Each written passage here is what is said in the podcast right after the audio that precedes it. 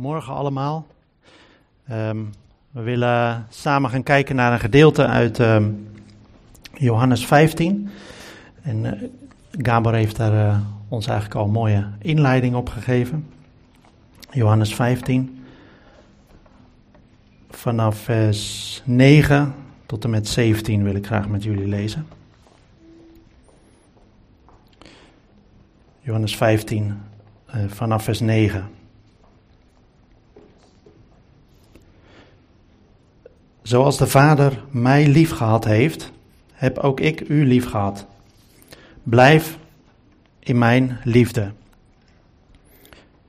Als u mijn geboden in acht neemt, zult u in mijn liefde blijven, zoals ik de geboden van mijn Vader in acht genomen heb en in zijn liefde blijf.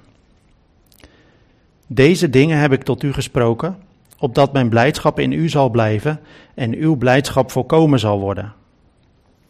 Dit is mijn gebod dat u elkaar lief hebt, zoals ik u lief gehad heb. Niemand heeft groter liefde dan deze, namelijk dat iemand zijn leven geeft voor zijn vrienden. En u bent mijn vrienden als u doet wat ik u gebied. Ik noem u niet meer dienaren, want een dienaar weet niet wat zijn heer doet, maar ik heb u vrienden genoemd, omdat ik u alles wat ik van mijn vader gehoord heb bekendgemaakt heb. Niet u hebt mij uitverkoren, maar ik heb u uitverkoren. En ik heb u ertoe bestemd dat u zou heen gaan en vrucht dragen. En dat uw vrucht zou blijven op dat wat u ook maar van de Vader vraagt in mijn naam, hij u dat geeft. Dit gebied ik u, dat u elkaar lief hebt. Nou, het gedeelte wat we gelezen hebben is uh, onderdeel van uh, een lange toespraak van de Heer Jezus, wat eigenlijk van hoofdstuk 13 tot en met hoofdstuk 17 uh, beschreven wordt. En waarin uh, de Heer Jezus eigenlijk onderwijs geeft aan zijn discipelen vlak voordat hij gaat lijden en sterven. de Heer Jezus wil, wist wat er allemaal ging komen en hij wilde, hij wilde zijn discipelen voorbereiden op dat moment. Uh, en als we in hoofdstuk 13 lezen, het eerste, eerste vers, dan uh, lezen we daar en voor het feest van het Pascha, toen Jezus wist dat zijn uur gekomen was en dat hij uit deze wereld overga, zou overgaan naar de Vader, heeft hij de zijnen die in de wereld waren en die hij, uh, en die hij liefgehad had, liefgehad tot het einde. En dus uit alles spreekt eigenlijk de zorg van de Heer Jezus uh, die hij heeft voor zijn discipelen als hij weet dat hij zelf uh, deze wereld gaat verlaten. Ik heb mezelf uh, voorge voorgesteld hoe het geweest moet zijn om, om daarbij te zijn bij die maaltijd, bij dat gesprek tussen de Jezus en zijn discipelen. Nou, zoals ik al zei, het paascha, dat was een, maaltijd. En het was niet zoals bij ons dat we met z'n allen um, aanzitten uh, maar uh, zij lagen aan tafel. Nou, op de tafel daar stond uh, vlees en daar waren broden. Um, zonder gist en met een bittere saus, zoals ze dat moesten eten bij het Pascha. En ongetwijfeld zullen de discipelen ook gedacht hebben aan, um, ja, aan het feit dat Israël bevrijd werd uit Egypte. Het was een maaltijd vol met symbolen en vol met betekenis. Maar ondanks dat was het niet een, uh, een formele maaltijd. Het was uh, een maaltijd waar ze aanlagen met elkaar. Uh, het was eigenlijk een maaltijd met vrienden onder elkaar. En je kan ook dat zien aan de tijd die ze ervoor nemen voor dat gesprek. En tijdens deze maaltijd geeft de Heer Jezus lessen die hij wil meegeven voordat hij weggaat aan zijn discipelen. En een daarvan is de les van de slaaf hij, uh, ja, de heer Jezus geeft zelf het voorbeeld om de voeten van de, de discipelen te wassen. En laat eigenlijk zo zien dat uh, dienen, dat is de, de laagste plek innemen. Dienen is je inzetten voor anderen.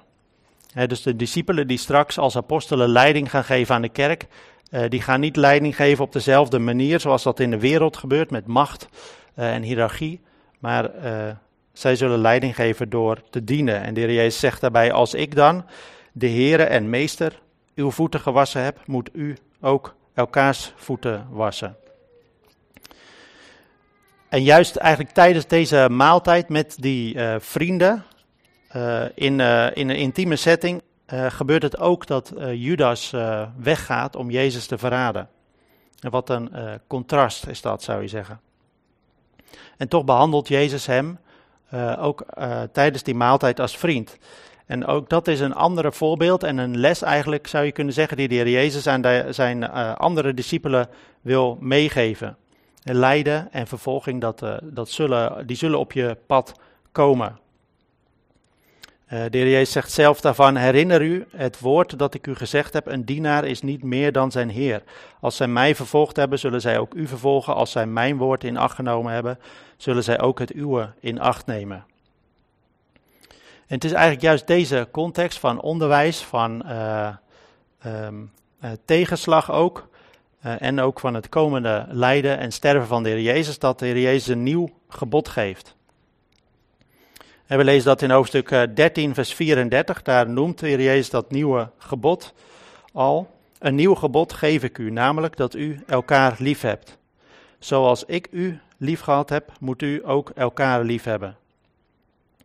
Uh, en hij herhaalt die, uh, dat gebod ook in het gedeelte wat we net gelezen hebben. Dit is mijn gebod, dat u elkaar lief hebt, zoals ik u lief gehad heb. Maar wat is er eigenlijk uh, nieuw aan dat gebod, zou je zeggen? Een nieuw gebod geef ik u, zegt de Heer Jezus. als we naar de wetgeving kijken, dan komen we eigenlijk het gebod van het liefhebben van elkaar al, al tegen. In Leviticus 19, vers 18 lezen we: U mag geen wraak nemen of wrok koesteren tegen uw volksgenoten, maar u moet uw naaste liefhebben zoals uzelf. Ik ben de Heere. En bij dit vers over wrok moest ik ook denken aan dat moment dat de Heer Jezus eigenlijk uh, Judas ziet gaan uh, en om hem te verraden. En hoe voor de hand liggend was het op, op dat moment wrok te koesteren richting Judas. Al die tijd waren ze eigenlijk als vrienden met elkaar opgetrokken. Uh, en Judas ging uh, nu er vandoor om, om Jezus te verraden voor, uh, voor wat geld.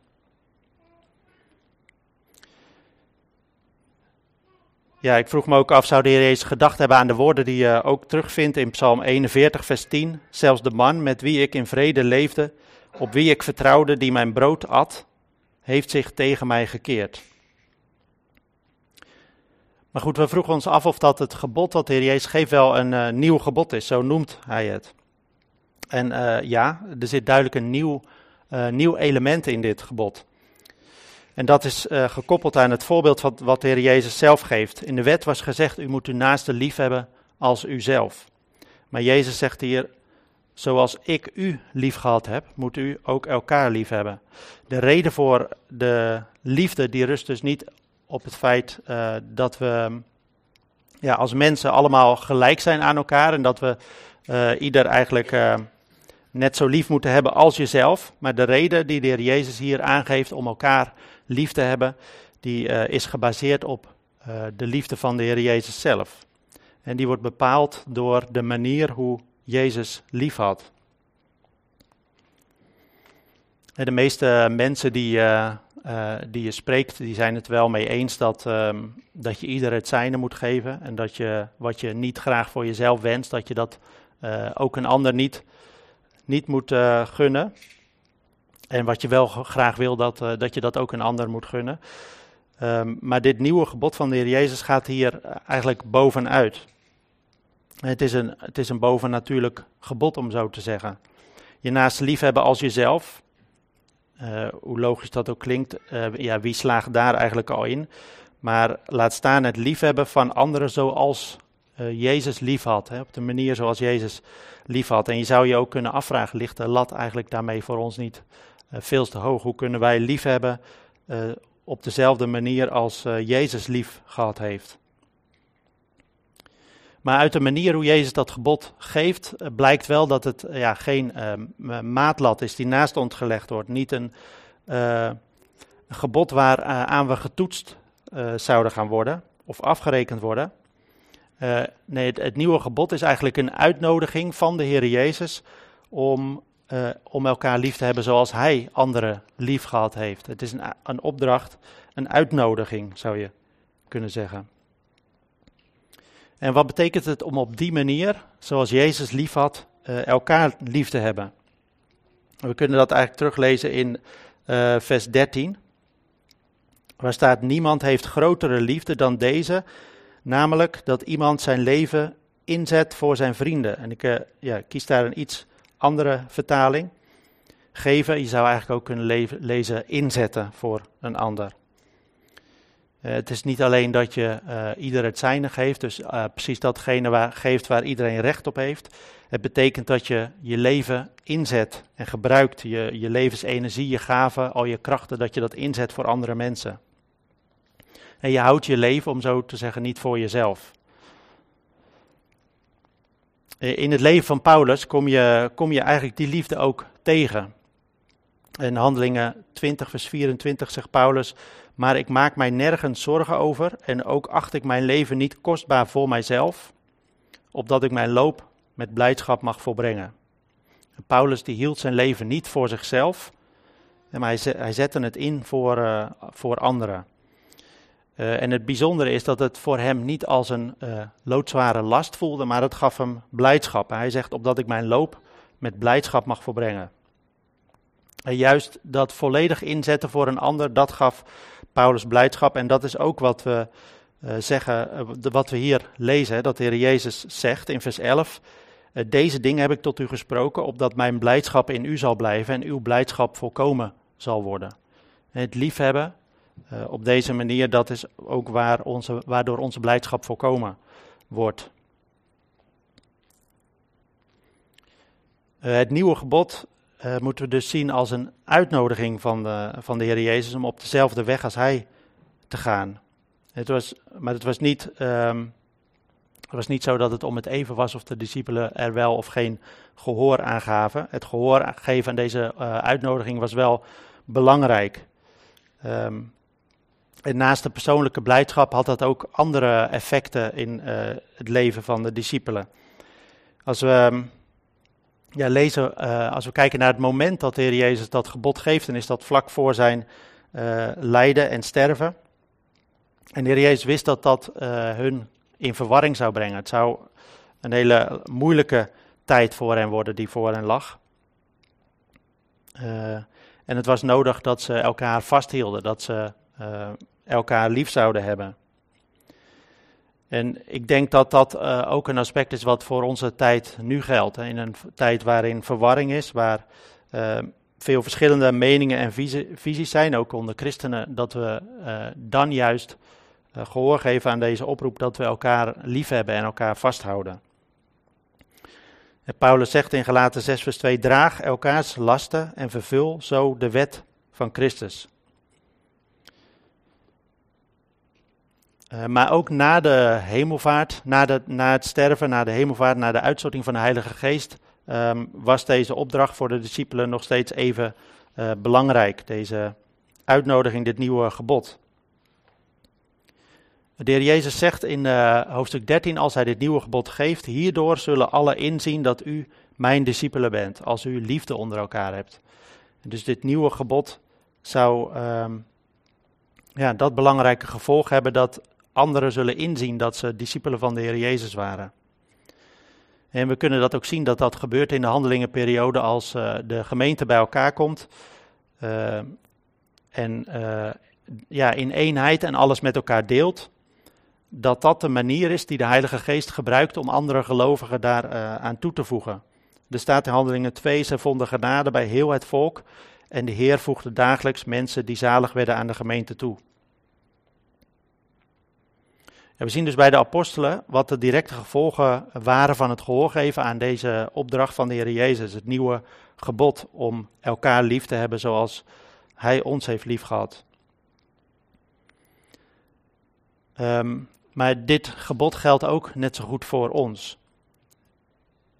We zien dat Paulus dit gebod herhaalt eigenlijk in uh, Efeze 5, vers 2. Wandel in de liefde zoals ook Christus ons liefgehad heeft en zichzelf voor ons heeft overgegeven als een offergave en slachtoffer, tot een aangename geur voor God. Je ziet dat Paulus hier uh, die overgave van de Heer Jezus duidelijk als voorbeeld voor ons geeft, om die liefde ook aan elkaar te tonen.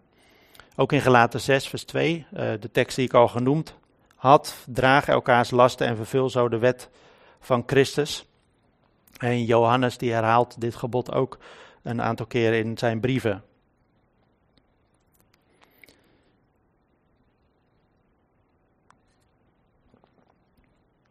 Maar misschien uh, ja, heb je zitten luisteren en denk je um, van ja, eigenlijk is dat uh, ook niets nieuws. Hè. Dit heb ik al uh, veel eerder gehoord. maar hoe doe ik dat? Hè? Hoe, um, hoe heb ik die ander lief? Moet ik mijzelf voorbij lopen? Moet ik over mezelf heen laten lopen?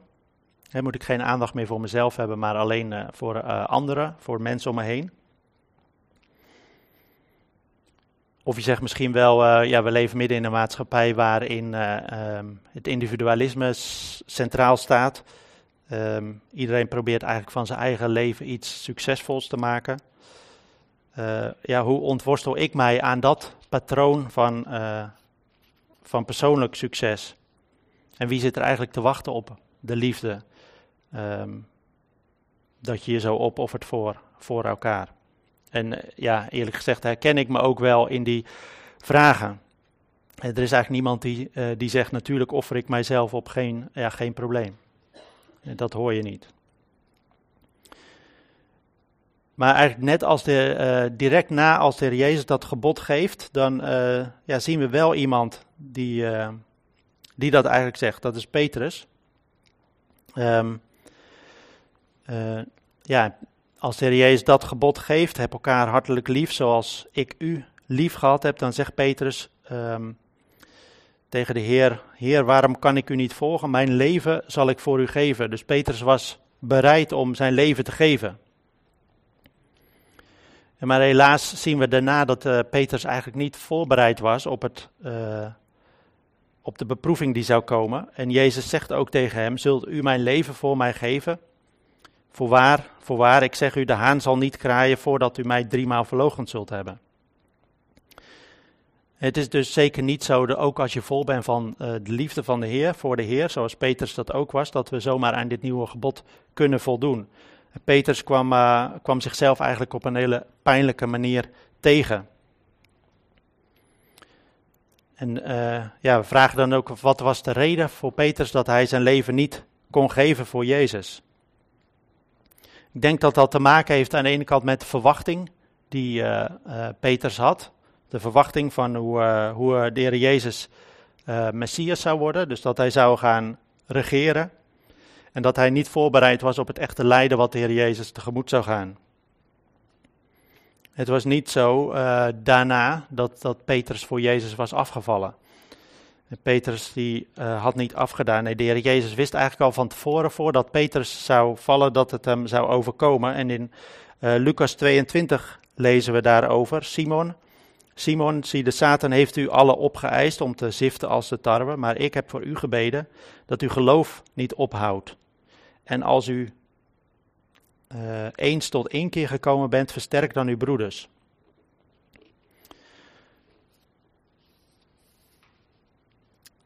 Dus ja, het was voor, ook voor de, de heer Jezus een hele pijnlijke weg om te gaan, om verlaten te worden door zijn discipelen. Maar Jezus wist dat het ging gebeuren en hij wist ook dat uh, Petrus deze les nodig had om, uh, uh, om wel zijn leven in te gaan zetten. En ik kom daar straks ook nog op terug. ja, hoe moeten wij dat nieuwe gebod dan houden? Moet je, zoals ik al zei, over jezelf uh, heen laten lopen? Uh, ik denk het niet. Ik denk dat je dan uh, de uitnodiging van de Heer Jezus niet goed hebt begrepen. Het geheim ligt namelijk in de liefde van Jezus. En wat we in vers 9 ook kunnen lezen. Zoals de Vader mij lief gehad heeft, heb ook ik u, heb ook ik u lief gehad. Blijf in mijn liefde. Elkaar, liefde, uh, elkaar liefhebben is niet uh, een gebod wat de Heer Jezus geeft wat compleet onmogelijk is. Of um, een gebod waarmee je iets moet verdienen. Als je het zo opvat dat het onmogelijk is of uh, dat je je best moet doen en dat je er iets mee kan verdienen, dan vat je het eigenlijk verkeerd op. Het gaat om de vraag die de Heer Jezus aan ons allemaal stel, stelt: Heb je mij lief? Hou je van mij? En um, Dat was ook precies de vraag die de Heer Jezus aan Petrus stelde. En nadat hij was uh, opgestaan, tot drie keer toe stelde hij die vraag: Heb je mij lief? En hou je van mij? we kunnen eigenlijk zien dat de, de liefde van Petrus voor de Heer Jezus op dat moment gezuiverd was. En uh, dat is ook de reden, denk ik, waarom we uh, kunnen zien dat de Heer Jezus hem daarna opdraagt om uh, te zorgen voor de gemeente. Drie keer krijgt hij te horen: Wijd mijn lammeren, hoed mijn schapen en wijd mijn schapen. en daarna zegt de Heer Jezus tegen Petrus: Voorwaar, voorwaar zeg ik u, toen u jonger was, omgorde u uzelf en liep u waar u wilde, maar als u oud geworden bent, zult u uw handen uitstrekken en een ander zal u omgorden en u brengen waar u niet wilt. En dat was om aan te duiden wat voor dood, uh, met wat voor dood hij God zou verheerlijken. Uh, je, uh, Petrus had daarna zijn leven eigenlijk niet meer zelf in handen. En het was niet zo dat dat voor Petrus um, angst aanjaagde. Er staat uh, eerder al in het evangelie had de Heer Jezus gezegd, wie zijn leven zal willen behouden, die zal het verliezen. Maar wie, het, wie zijn leven zal verliezen om mij, uh, die zal het vinden. En Peter zag daar niet tegenop dat hij uh, zijn leven niet meer in de hand had, want hij wist nu hoe diep de liefde van de Heer Jezus voor hem was. En Jezus' liefde was blijven bestaan voor hem, ook toen hij hem had verlogen. Niets niets kon Petrus eigenlijk nu meer raken, nu hij wist dat eh, de liefde van de Heer Jezus zo diep was eh, voor hem. Heel met de woorden van Paulus te spreken, niets kon hem scheiden van de, van de liefde van Christus.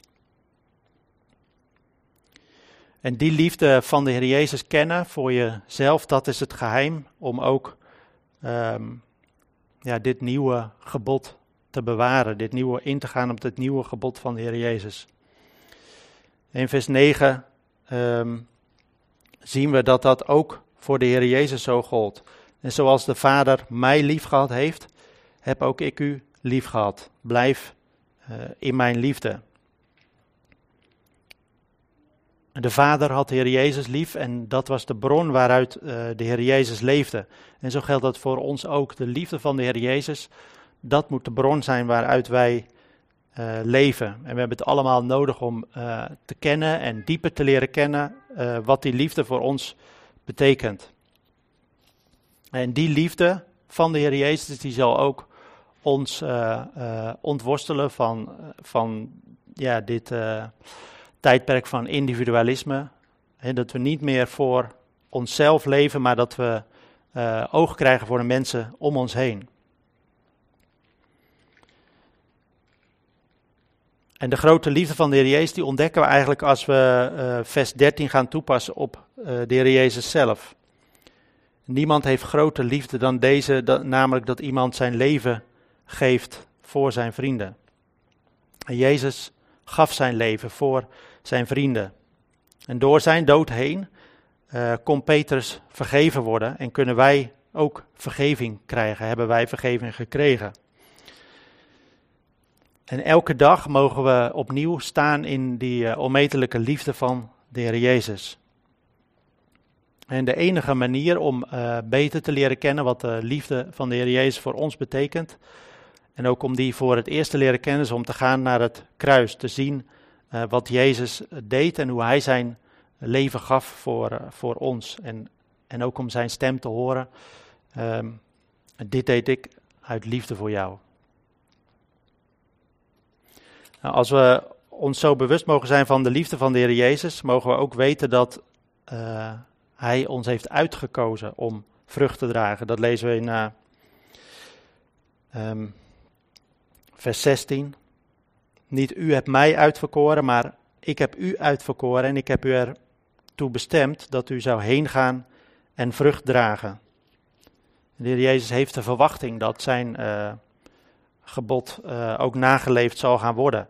En dit was ook wat al beloofd was door uh, Ezekiel. In Ezekiel 36 lezen we: Dan zal ik u een nieuw hart geven en een nieuwe geest in uw binnenste geven. Ik zal het hart van steen uit uw lichaam wegnemen en u een hart van vlees geven. En dat is precies wat uh, Gabor net ook heeft laten zien in ja, het zacht worden van je hart, een nieuw hart. En dit nieuwe hart past bij, bij dit nieuwe gebod. Een hart van vlees, waarin dit nieuwe gebod van de Heer Jezus geschreven staat. Een ander liefhebben zoals ik u lief gehad heb. En er staat ook bij een nieuwe geest. Jezus beloofde namelijk dat hij zijn discipelen niet als wezen zou achterlaten. Hij zou hen de Heilige Geest geven. En uh, die geest is het waarvan uh, Paulus tegen de Efeziërs zegt: uh, In hem bent u ook, toen u tot geloof kwam, verzegeld met de Heilige Geest van de belofte. Het is namelijk die geest uh, die het uit Christus zal nemen en het ons zal leren. Het is door de geest dat we de liefde van de Heer Jezus beter leren kennen. En dat we werkelijk gaan zien wat zijn offer aan het kruis voor ons betekent. Uh, de Heer Jezus zegt zelf dat het niet alleen zijn liefde voor ons is, maar de Vader zelf heeft, uh, heeft u lief. Dat zegt hij ook in dit onderwijs wat hij aan zijn discipelen geeft. Um, in vers 16 zegt hij, en dat uw vrucht zou blijven, opdat wat u ook maar van de Vader vraagt in mijn naam, hij u dat geeft. En we mogen dus naar de Vader gaan en in de naam van Jezus bidden. Uh, en wat we vragen zal hij geven. Uh, en wat kunnen we eigenlijk beter vragen dan uh, juist deze vrucht van de liefde, de vrucht van de geest, de blijdschap die daarbij hoort en ook eigenlijk de andere vrucht kenmerken van de vrucht van de geest die we lezen in Gelaten 6. En we mogen de garantie hebben dat God dat gebed zeker zal verhoren, want daar, uh, ja, daar heeft Hij ons voor uitgekozen. En daarom herhaalt Jezus aan het eind dit gebod en die dringende uitnodiging. dit gebied ik u dat u elkaar lief hebt. En door de liefde van de Heer Jezus, door de Heilige Geest, en doordat de uh, Vader zelf ons lief heeft, mogen we dat nieuwe, in dat nieuwe gebod gaan leven. Ik wilde graag samen met jullie bidden.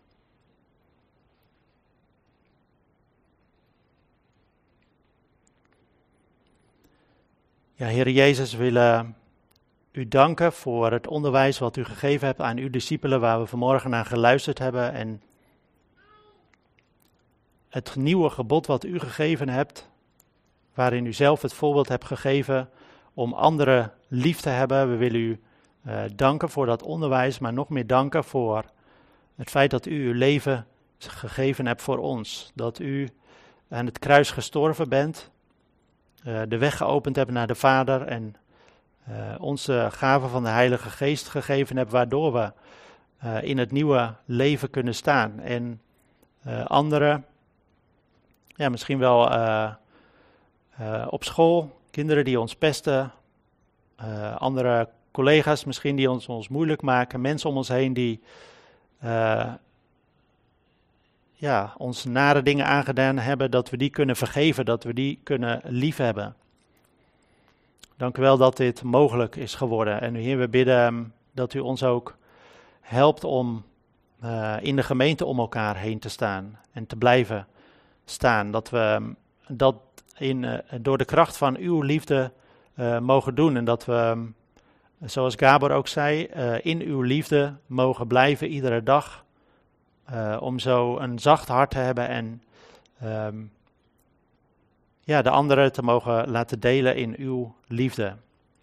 Heer, we danken u dat we mogen weten dat juist dat het is, waardoor andere mensen zullen zeggen dat we volgelingen van u zijn. En we bidden Heer, dat we ja, zo het licht, in bijzonder het licht van uw liefde mogen laten schijnen naar de mensen om ons heen.